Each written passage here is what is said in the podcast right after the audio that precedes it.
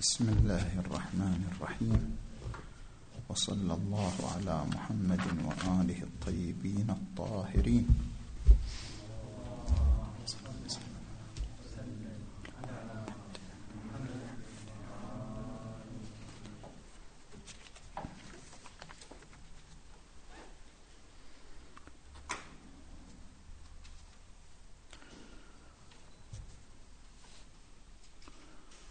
المحاضرة بعنوان نقد نظرية الفلسفة الشرقية الصدرائية حول حقيقة الروح وطريقة التفكير.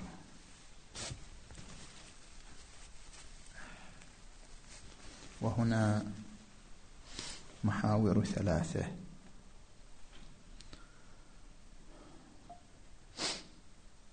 المحور الأول في تجرد النفس وفيه نقاط. النقطة الأولى منهجية البحث. كانت البحوث الماضية تتركز في الفرق بين المجرد والمادي. وأن النفس البشرية من سنخ المجرد أم من سنخ المادي.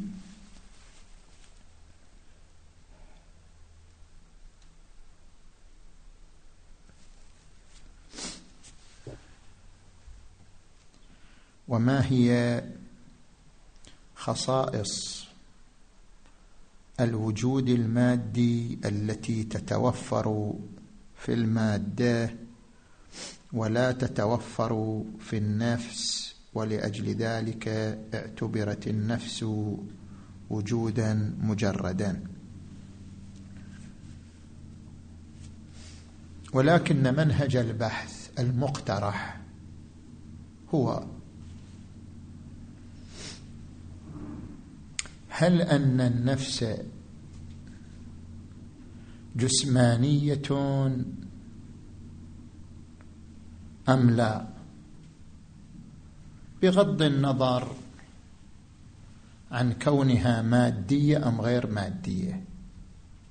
بمعنى أن محور البحث هو ينبغي أن يكون. هل أن النفس هي الجسم؟ أم غيره. وإذا كانت النفس غير الجسم فهل هي مستقلة في أفعالها عن هذا الجسم أم لا؟ أما ما هي خصائص المادي التي تنبع من كونه ماديا بحيث تميزه عن المجرد فهذه كما سيتبين من خلال البحث قد تكون مورد للإشكالات الكثيرة. هل هذه من خصائص المادة أم لا؟ ما الدليل على أنها من خصائص المادة؟ إلى غير ذلك من الإشكالات التي مرت على الأدلة على أن النفس غير مادية ومجردة. نحن لا نبحث. عن الفرق بين المادي والمجرد النفس مادية أو مجردة نحن نبحث عن نقطة واحدة. هناك جسم والنفس محركة لهذا الجسم. هل أن النفس شيء غير هذا الجسم؟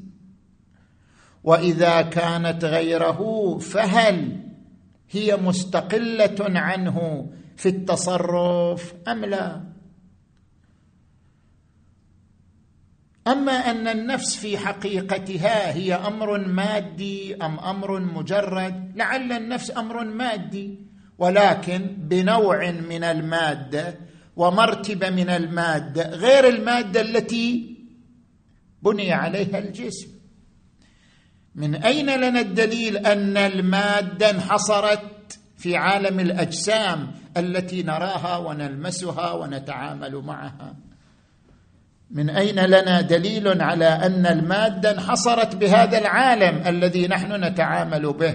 كي نقول إذا لم تكن النفس متوفرة على صفات عالم المادة الذي نعيش فيه فهي اذا غير مادية. من أين؟ لعل كما يذهب إليه جملة من العلماء أن النفس جسم شفاف كشفافيه كشفافية أجسام الجن والملائكة وأنها أمور مادية لكنها شفافة لا ترى ولا تلمس ولا يمكن أن ينالها أن تنالها الحواس الخمس. بالنتيجة البحث هنا عقيم. البحث في ما هي خصائص المادة وخصائص المجرد من المادة وأن النفس مادية أم أن النفس مجردة؟ هذا المنهج عقيم. المنهج الذي يمكن أن ندخل فيه ونخرج فيه بالنتيجة أن لدينا جسما. فهل النفس هي من هذا الجسم أم من خارجه؟ وإذا كانت وإذا لم تكن من هذا الجسم فهل هي مستقلة عنه أم لا؟ هذا هو المنهج للباحث. زين. نجي الآن إلى النقطة الثانية. في دليل أن النفس غير الجسد. كل نفس هي غير الجسد. ما هو الدليل على أن النفس غير الجسد؟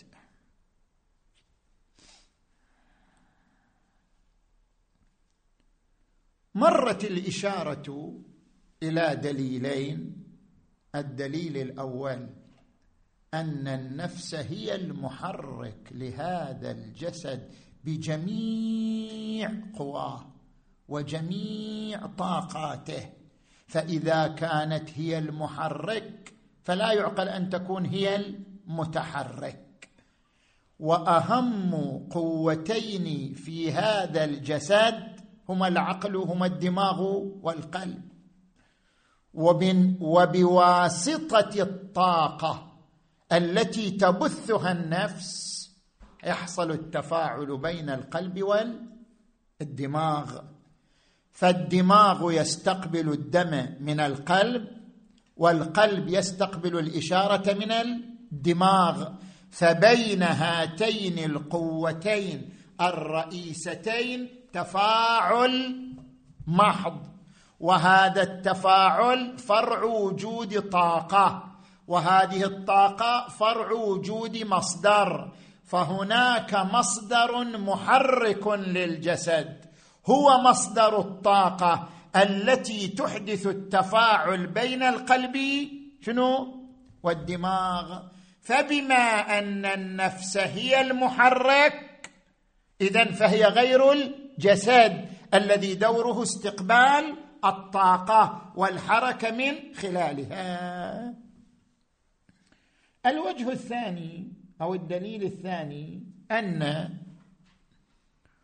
كل الجسد يتغير. حتى خلايا الدماغ في السبع السنوات الأولى.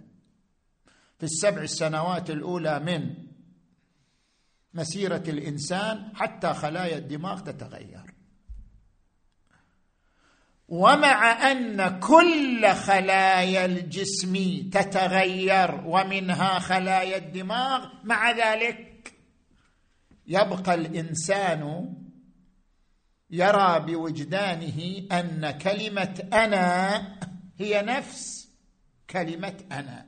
أي أن المحكي بكلمة أنا منذ أن كان يحبو على ركبتيه هو المحكي بكلمة أنا حتى بعد أن استقرت بنية جسمه. وأن معلوماته خصوصا بعض الصور مثلا صورته صورة أمه صورة أمه وهو مثلا رضيع هي نفس الصورة التي يتذكرها بعد أن صار شابا. اذا والمتغير غير المتغير بما أن البدن كله يتغير والمحكي بكلمة أنا لم يتغير فهذا شاهد على أن النفس غير الجسد. زين. هذا الدليل على أن النفس غير الجسد. نجي إلى النقطة الثالثة في استقلالية النفس بأفعالها.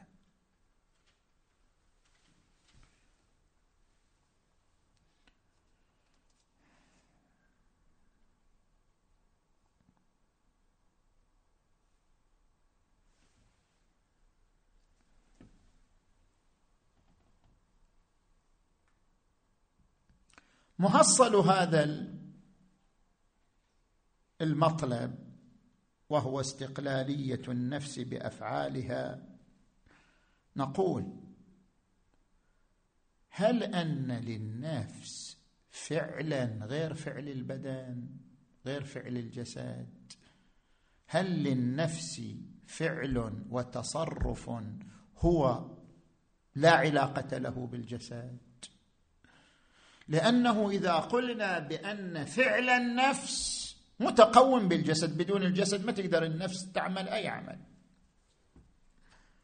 لو قلنا بأن أفعال النفس متقومة بالجسد أي بدون الجسد لا يمكن أن تفعل النفس أي فعل. هذا دليل على أن النفس إما هي الجسد أو أنها لا تنفك عنه بحيث تبطل ببطلانه وتفسد بفساده.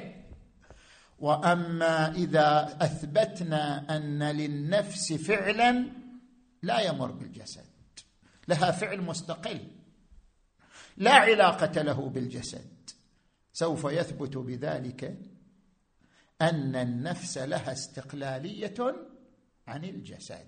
فلا هي الجسد ولا جسدية. لا هي الجسم ولا جسمانية. هذا كيف نثبته؟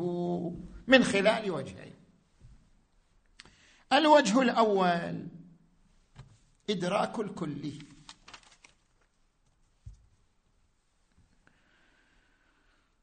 إدراك الكل ماذا يعني؟ فلنفرق بين الإدراك الحسي ها الزوم راح مسكين المستكين. فلنفرق بين الإدراك الحسي والإدراك الكلي.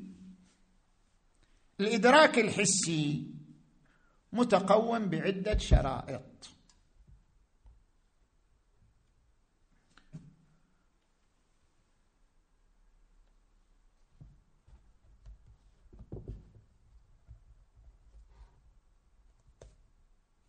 الإدراك الحسي متقوم بعدة شرائط.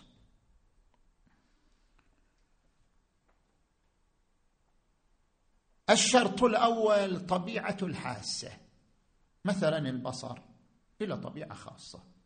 لا يمكن أن لا يمكن أن يدرك البصر غير الصور مستحيل أن يدرك الأصوات. مستحيل أن يدرك الكيفيات. فله إدراك ينسجم مع طبيعته.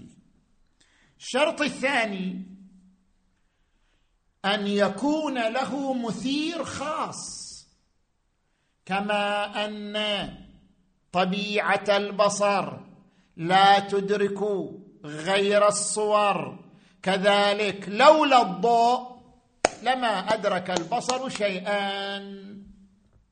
فلا يفيد في إدراك البصر ذبذبات الصوت ولا يفيد في إدراك البصر الملامسة الحسية بل لا بد من انعكاس الضوء على المرئي هذا الشرط الثاني.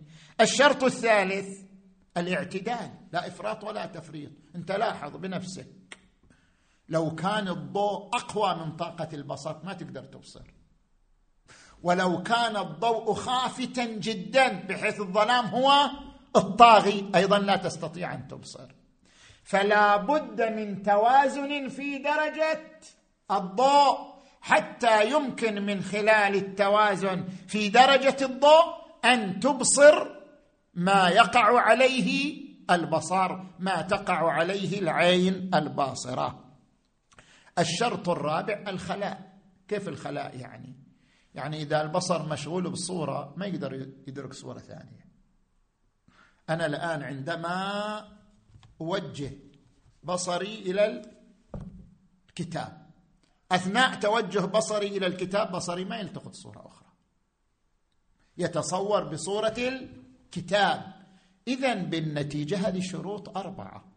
لا يمكن للعين الباصرة ولسائر الحواس أن تلتقط الصورة الحسية إلا ضمن شروط أربعة اتضحت زين لأجل ذلك لأجل ذلك نختلف مع النظرية الصدرائية في أنه حتى الصور الحسية صور مجردة. لا. الصورة الحسية صورة جسمانية. لأنها متقومة بشرائط جسمانية مادية. حقيقة الصورة التي تنعكس على قرنية العين جسمانية. هي لا تقبل الانقسام بذاتها لكن تقبل الانقسام بلحاظ محلها مثل القيام لا يقبل الانقسام بلحاظ ذاته لكن يقبل الانقسام بلحاظ الجسم الذي قام. كذلك الصورة المنعكسة عن القر على القرنية صورة جسمانية وإن لم تكن جسما. هي صورة جسمانية لتقوم حقيقتها بهذه الشروط شنو؟ الأربعة التي ذكرناها. طيب.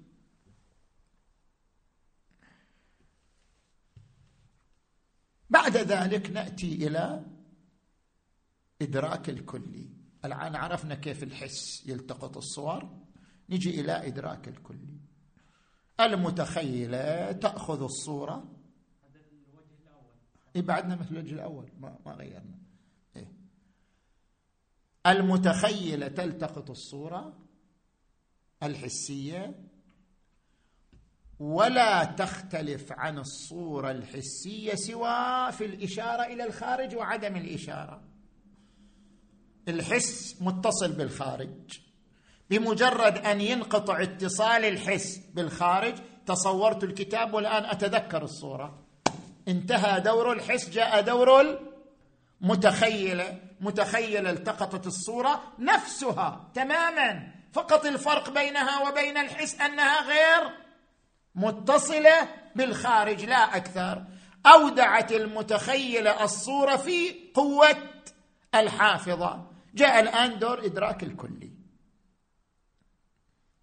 إدراك الكلي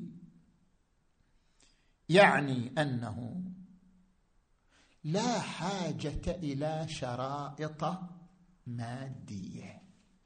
لا حاجة إلى شرائط جسمانية. نفس الصورة الموجودة في المتخيلة هي تمتلك خصائص خاصة وخصائص مشتركة. انعكست في ذهني صورة شنو؟ مثلا صورة فارس. انعكست في ذهني صورة فارس. صورة فارس فيها خصائص خاصة إنه فارس ابن فلان في المكان الفلاني في الزمن الفلاني وفيها خصائص شنو؟ مشتركة. الوجه والجسم بالنتيجة هذه خصائص مشتركة بينه وبين غيره. العقل وين يروح؟ ما يروح للخصائص الخاصه يهجم على الخصائص المشتركة مباشرة. دور العقل أن يتعلق مباشرة بالخصائص المشتركة معزولا عن الخصائص الخاصة. وهذا ما يسمى بإدراك الكلي. ليس إدراك الكلي إلا وقوع العقل وهجومه على النقطة المشتركة معزولا عن النقطة خاصه وهذا ما يعبر عنه في كلماتهم بالتجريد والتقشير. التجريد والتقشير يعني شنو؟ يعني أن الصورة التي تنعكس في المتخيله العقل يحللها إلى نقطة مشتركة ونقطة خاصة. هو يتعلق بخصوص العقل ما يدرك النقطة الخاصة. النقطة الخاصة لا تدركها إلا القوة المتخيلة. العقل فقط يدرك النقطة المشتركة منها. والنتيجة أنه إدراك الكلي حيث لا يتوقف على شرائط ها مادية وبكل حرية يستقبل أي صورة سواء من حواس الخارجية أو الحواس الداخلية. إحنا قلنا الحواس ما تدرك غيرها باصرة ما تدرك الصوت السامعه ما تدرك الحرارة بينما العقل يدرك جميع الصور بنقاطها المشتركة من دون شرائط مادية مما يكشف عن أن إدراك الكلي فعل تستقل به النفس ولا تحتاج فيه إلى البدن هذا فعل تستقل به النفس. فإذا أردنا أن نبرهن هل أن للنفس فعل تستقل به؟ لا تعتمد فيه على الجسم. قلنا نعم الفعل الذي تستقل به النفس ولا تعتمد فيه على الجسم إدراك الكلي. فإذا كان للنفس فعل تختص به وتصرف لا تحتاج فيه إلى البدن وشرائطه المادية. يتبين بذلك استقلالية النفس. شنو؟ عن الجسد. سميته تجرد سميته تمرد سميته زمرد. ما يخصنا في الأسماء. نحن نريد أن نقول أن النفس ليست هي الجسم ولا جسمانية في الجسم وأن لها استقلال في تصرفها. حتى لو كانت في واقعها مادية بنوع من المادة ومرتبة من المادة. لا نريد إثبات أكثر من ذلك. وأما الوجه الثاني فهو إدراك الانتزاعيات. هذا ذكرناه في درس سابق الأمور الانتزاعية. التي عبر عنها العلامة الطباطبائي بالتوسع الاضطراري العقلي. الأمور الانتزاعية ما لها وجود في الخارج ومع ذلك تدركها النفس. إدراك النفس للأمور الانتزاعية مع أنه ليس لها ما بإزاء في عالم المادة كأن تدرك النفس. العدم باطل. لا العدم ولا البطلان له ما بإزاء في عالم المادة. كأن تدرك النفس النقيضان لا يجتمعان ولا يرتفعان. النقيضان يستحيل تحققهما في الخارج. اذا إدراك النفس للأمور التي ليس لها ما بإزاء بالخارج يكشف عن أن النفس طاقة. طاقة. أفضل من أن نعبر مجرد طاقة. مستقلة في تصرفها عن الجسم الذي ترتبط به فهي ليست هي الجسم ولا جسمانية فيه. هذا لا أكثر من ذلك. الأمر الرابع. في الفرق بين الإدراك والحاسوب الآلي. طبعا هناك كثير من الباحثين الذي يرفض أن تكون النفس غير جسمانية. ويقول النفس هي الدماغ. النفس والدماغ مو شيء ثاني يعني. أن النفس هي الدماغ. الدماغ هو الذي يطلق الإشارات للجسد بالحركة فالنفس هي الدماغ. وليست شيئا آخر. وبالتالي واستدلالكم واستدلالكم على أن النفس تدرك الكليات. الحاسوب الآلي أيضا يدرك الكليات. بدليل أن الحاسوب الآلي لو أعطيت له معاني مختلفة يميز ما بينها فيميز بين مفهوم الإنسان ومفهوم الشجر ومفهوم الحجر وهذا يعني أن عنده كليات على إثرها يقوم بالتمييز بين هذه المفاهيم. كما أن العقل الفعال عفوا كما أن الحاسوب الآلي يقوم بحل المعادلات الرياضية. وهي أمور غير خارجية غير مادية. مما يكشف عن أن الحاسوب الآلي قادر على إدراك ما تدركه النفس. فإذا كان هذا الإدراك يعني أن النفس غير جسمانية فكيف أدركه الحاسوب الآلي وهو أمر مادي جسماني؟ خوش. الجواب عن ذلك. ببيان الفرق بين الإدراك وعمل الحاسوب الآلي بنحوين. شنو الفرق بينهما؟ بنحوين. الأول ما هي حقيقة الإدراك؟ إحنا عندما نقول إدراك وإدراك شنو حقيقة الإدراك؟ همزة دال راء ألف كاف. درست في المعلم الأول؟ ما درست. بس سين ميم كسرة بي سين ساكن بس كسرامي باسمي ألف لام لام ها كس سبل إلا كسراه الله ما درست المعلم زين. ما هو الإدراك؟ هناك فرق بين الإدراك والانطباع. انطباع الصورة في الماء. هذا إدراك. يقول الماء أدراك. انطباع الصورة على المرآة. هذا إدراك. ليس إدراك. انطباع الصورة في الماء وعلى المرآة. هو كانطباع الصورة على قرنية العين. هذا تسمية نسميه إدراك وقال لك هو ليس بإدراك. هذا انطباع. ارتسام مثل الظل. شلون ظل الجسم يرتسم؟ على الأرض.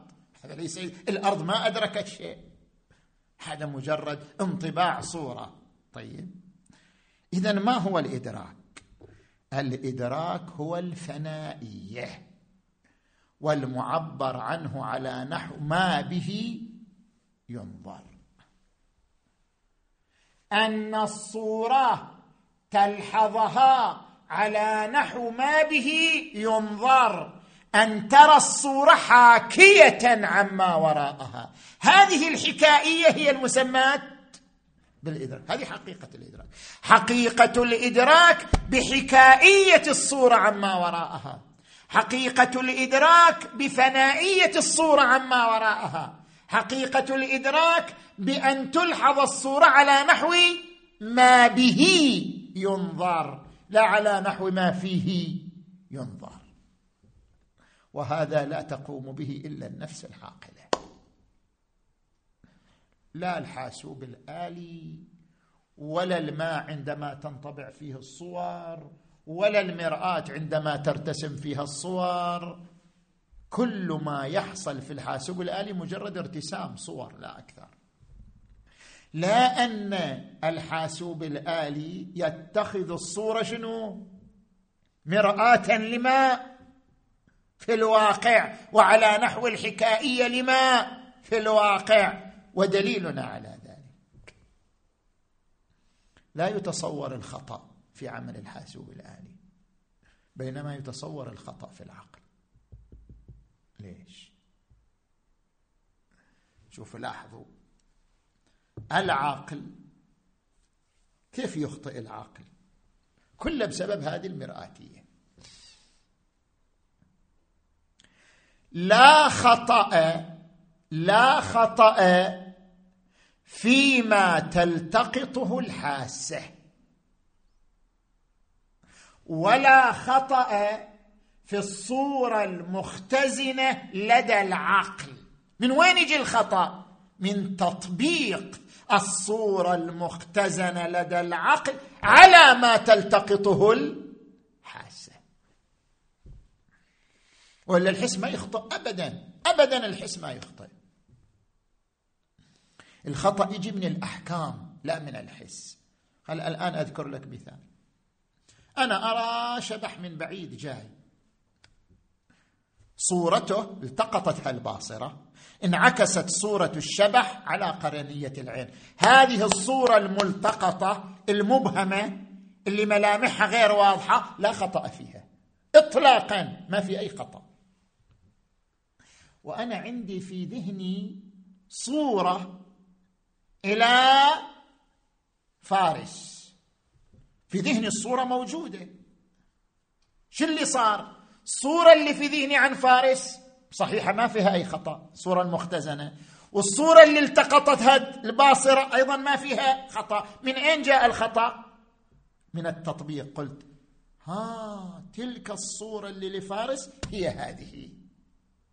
هذا التطبيق نوع من الحكم نوع من المقارنة. هنا يحصل الخطأ. بعدين يقترب يقترب يقترب. بين لا هذه الصورة غير تلك الصورة. الخطأ حصل من التطبيق بالمقارنة ولم يحصل لا فيما التقطه الحس ولا في الصورة المتخيلة المختزنة في الذاكرة. هذا يعني ماذا؟ لولا أن العقل يدرك الصورة على نحو الحكاية لما ربطها بالصورة المختزنة عنده. لو كان ينظر إلى الصورة كما هي هي الصورة كما هي هي ما تعني شيء. لكن لأنه لا يدرك الصور إلا على نحو الحكاية عما وراءها لذلك بمجرد التقط الحس الصورة وصلت إلى المتخيله أدركها أنها شنو؟ تحكي عن تلك الصورة المختزنة. في ذهنه لأنه أدركها على نحو الحكاية عن تلك الصورة المختزنة في ذهنه أخطأ في التطبيق. فالخطأ فرع كون رؤية الصورة على نحو ما به ينظر على نحو الفنائية. لولا إدراك الصورة على نحو الفنائية ما حصل الخطأ. وحيث إن الحاسوب الالي خب ما يخطئ. هذا دليل على أن إدراكه مو إدراك نسميه إدراك. يعني دليل على أن حفظه للصور ليس من باب الإدراك المتقوم بالمرآتية والفنائية.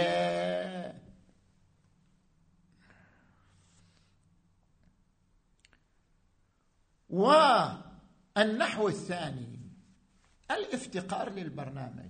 مستحيل حاسوب آلي ولا الصندوق الأسود للطائرة ولا كمبيوتر ولا بت المعلومات وإلا الإنسان الآلي مستحيل أن يعمل بدون برنامج. ما يقدر يعمل بذاته. وعلى ضوء البرنامج الذي يوضع فيه يفكر ويستنتج. لو تضع فيه برنامج خطأ يفكر خطأ. لو تضع فيه برنامج صح يفكر صح. لو تضع فيه برنامج غربي يفكر تفكير غربي. تضع فيه برنامج شرقي يفكر تفكير شرقي. هو تابع للبرنامج. ولأنه كل فعالياته معتمدة على البرنامج الذي هو فيه فهو لا يملك التحرر في تصور الكليات. من أي باب أتت؟ بينما النفس العاقلة البشرية. أي كلي هذه النفس تنقلها في أي بيئة؟ هي الآن تعيش في بيئة شرقية انقلها بيئة غربية. هي تعيش في بيئة أرضية انقلها لبيئة فضائية. هي تعيش في اختصاص معين انقلها إلى اختصاص آخر.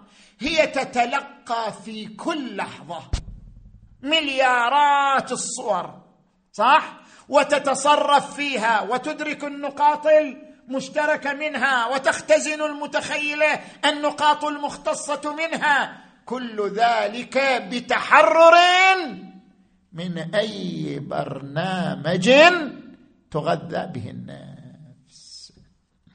مما يكشف عن الفرق الشاسع الواضح بين عمل الحاسوب وبين إدراك النفس العاقله للكليات. طيب. هذا كل كلامنا في وين في المحور الأول. أوجع رأسكم. كلامنا في المحور الأول لإثبات أن النفس محرك للبدن وليست هي البدن. مستقلة في تصرفها عن البدن ولا تفتقر في كل تصرفاتها على الكافي بعد هذا تسميه تجرد تمرد ما يخصنا. ولا نحتاج إلى الدخول فيه وإثباته. زين. كل الأدلة التي أقيمت سابقا على التجرد وكذا. قد الإنسان يعترض عليه يقول ما هو دليلكم على أن هذه أمور مائزة بين المادة والمجرد؟ شو بدرين هل أنتم استقرأتم كل أنواع المادة في الكون؟ هل أنتم استقرأتم كل مراتب الوجود المادي في الكون؟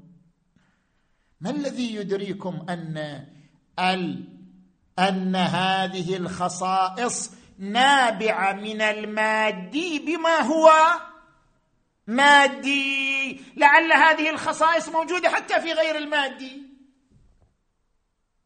من أين تثبتون أنها خصائص مقومة للمادي؟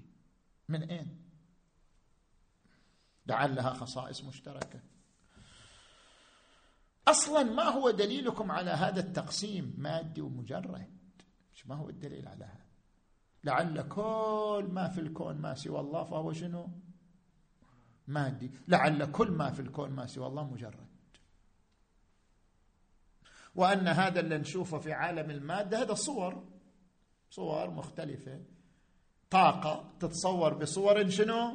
مختلفة ومتغيرة ومتلونة. على أي حال الآن إحنا ما نريد ندخل في هذا البحث. قلنا يكفينا تلك النقطة التي نريد شنو؟ إثباتها. نجي إلى المحور الثاني. المحور الثاني. المحور الثاني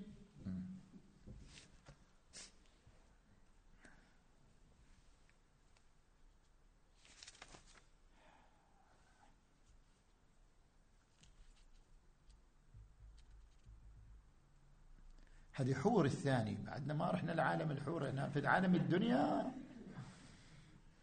دير بالك علينا.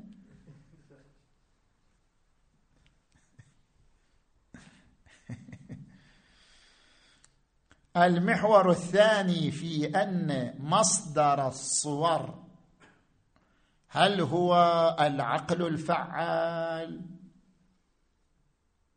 كما ذهبت إليه النظرية الصدرائية نظرية ملا صدر الشيرازي العقل الفعال هو مصدر الصور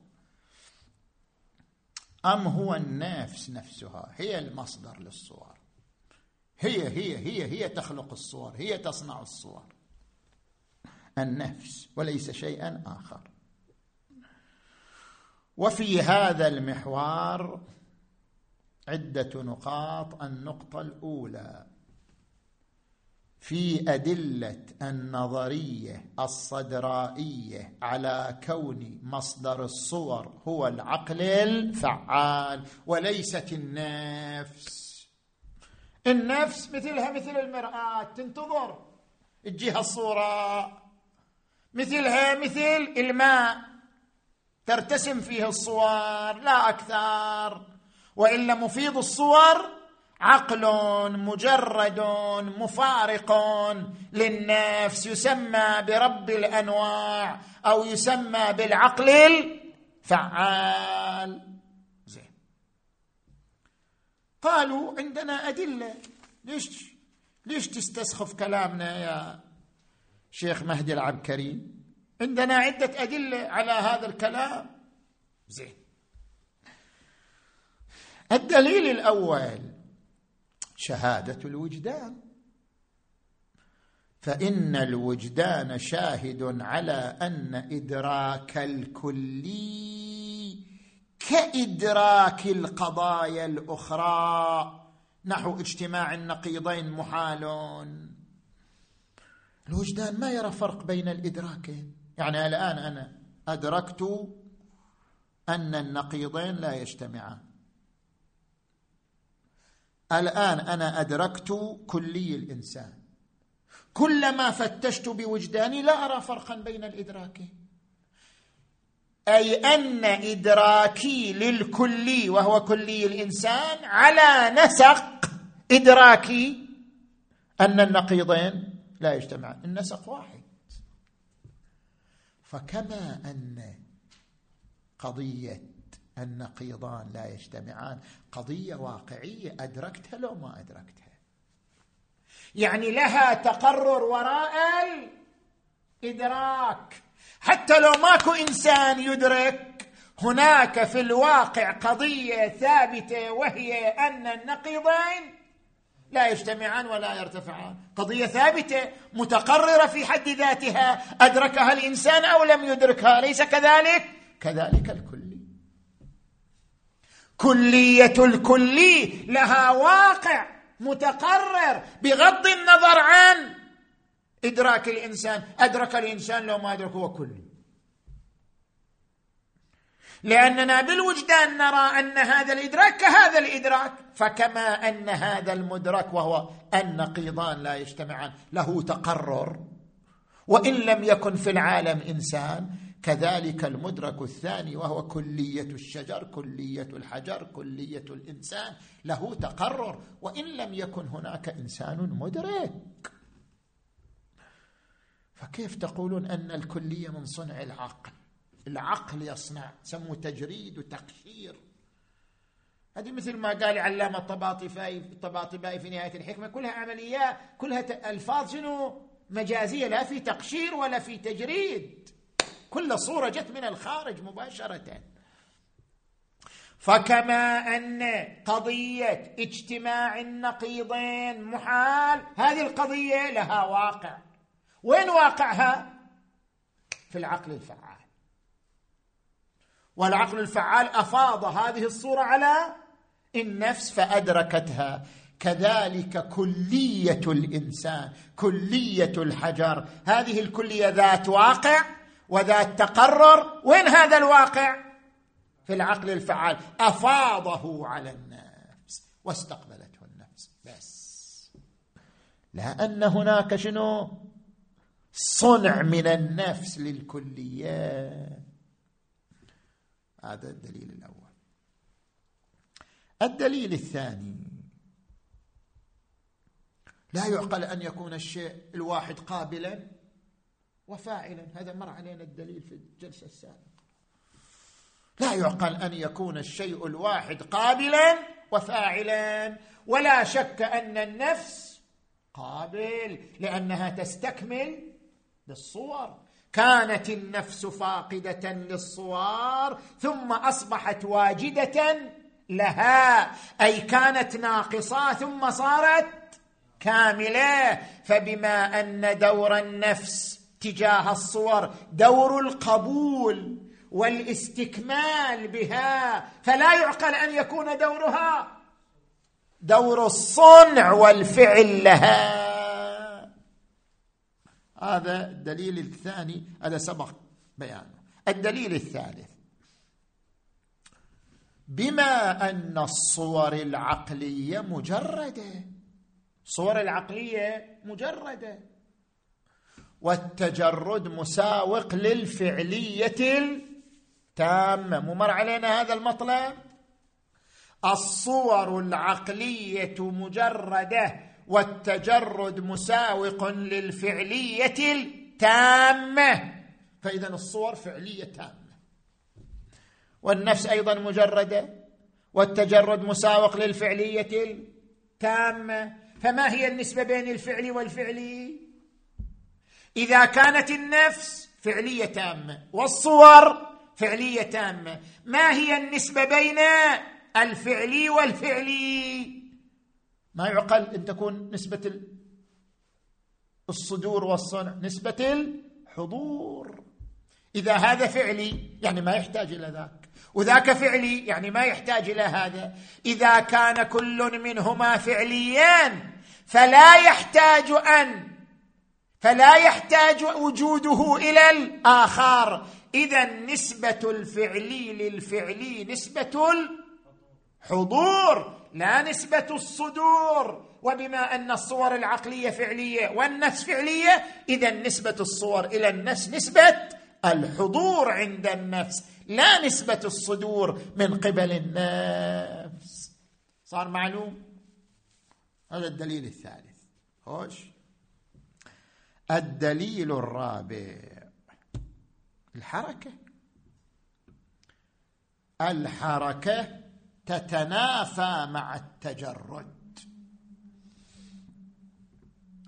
لو كانت النفس بعبارة أخرى لو كانت النفس هي الصانع للصور لكانت النفس تعيش الحركة. كما أن الشجرة تصنع الثمر بحركة دينامية تنتقل من القوة إلى الفعل. كانت البذراء شجرة مثمرة بالقوة أصبحت شجرة مثمرة بالفعل نتيجة الحركة. البذره تحركت بحركة دينامية وانتقلت من القوة إلى الفعل وصنعت هذا الثمر. فلو كانت النفس هي الصانع للصور لكانت النفس متحركة. والحركة يعني الخروج من القوة إلى الفعل والخروج من القوة إلى الفعل يعني المادية. فهذا يعني مادية النفس. والحال بأنكم بنيتم على شنو؟ تجرد النفس. فهذه الأدلة الأربعة على أن دور النفس تجاه الصور دور الاستقبال لا دور الفعل دور الانفعال لا دور الفعل دور القبول لا دور الفعل. فلا بد من وجود جوهر مجرد مفارق للنفس يفيض عليها الصور فتستقبلها وهو ما يعبر عنه بالعقل الفعال أو رب الأنوار. والحمد لله رب العالمين. وصلى الله على محمد وآله الطيبين الطاهرين.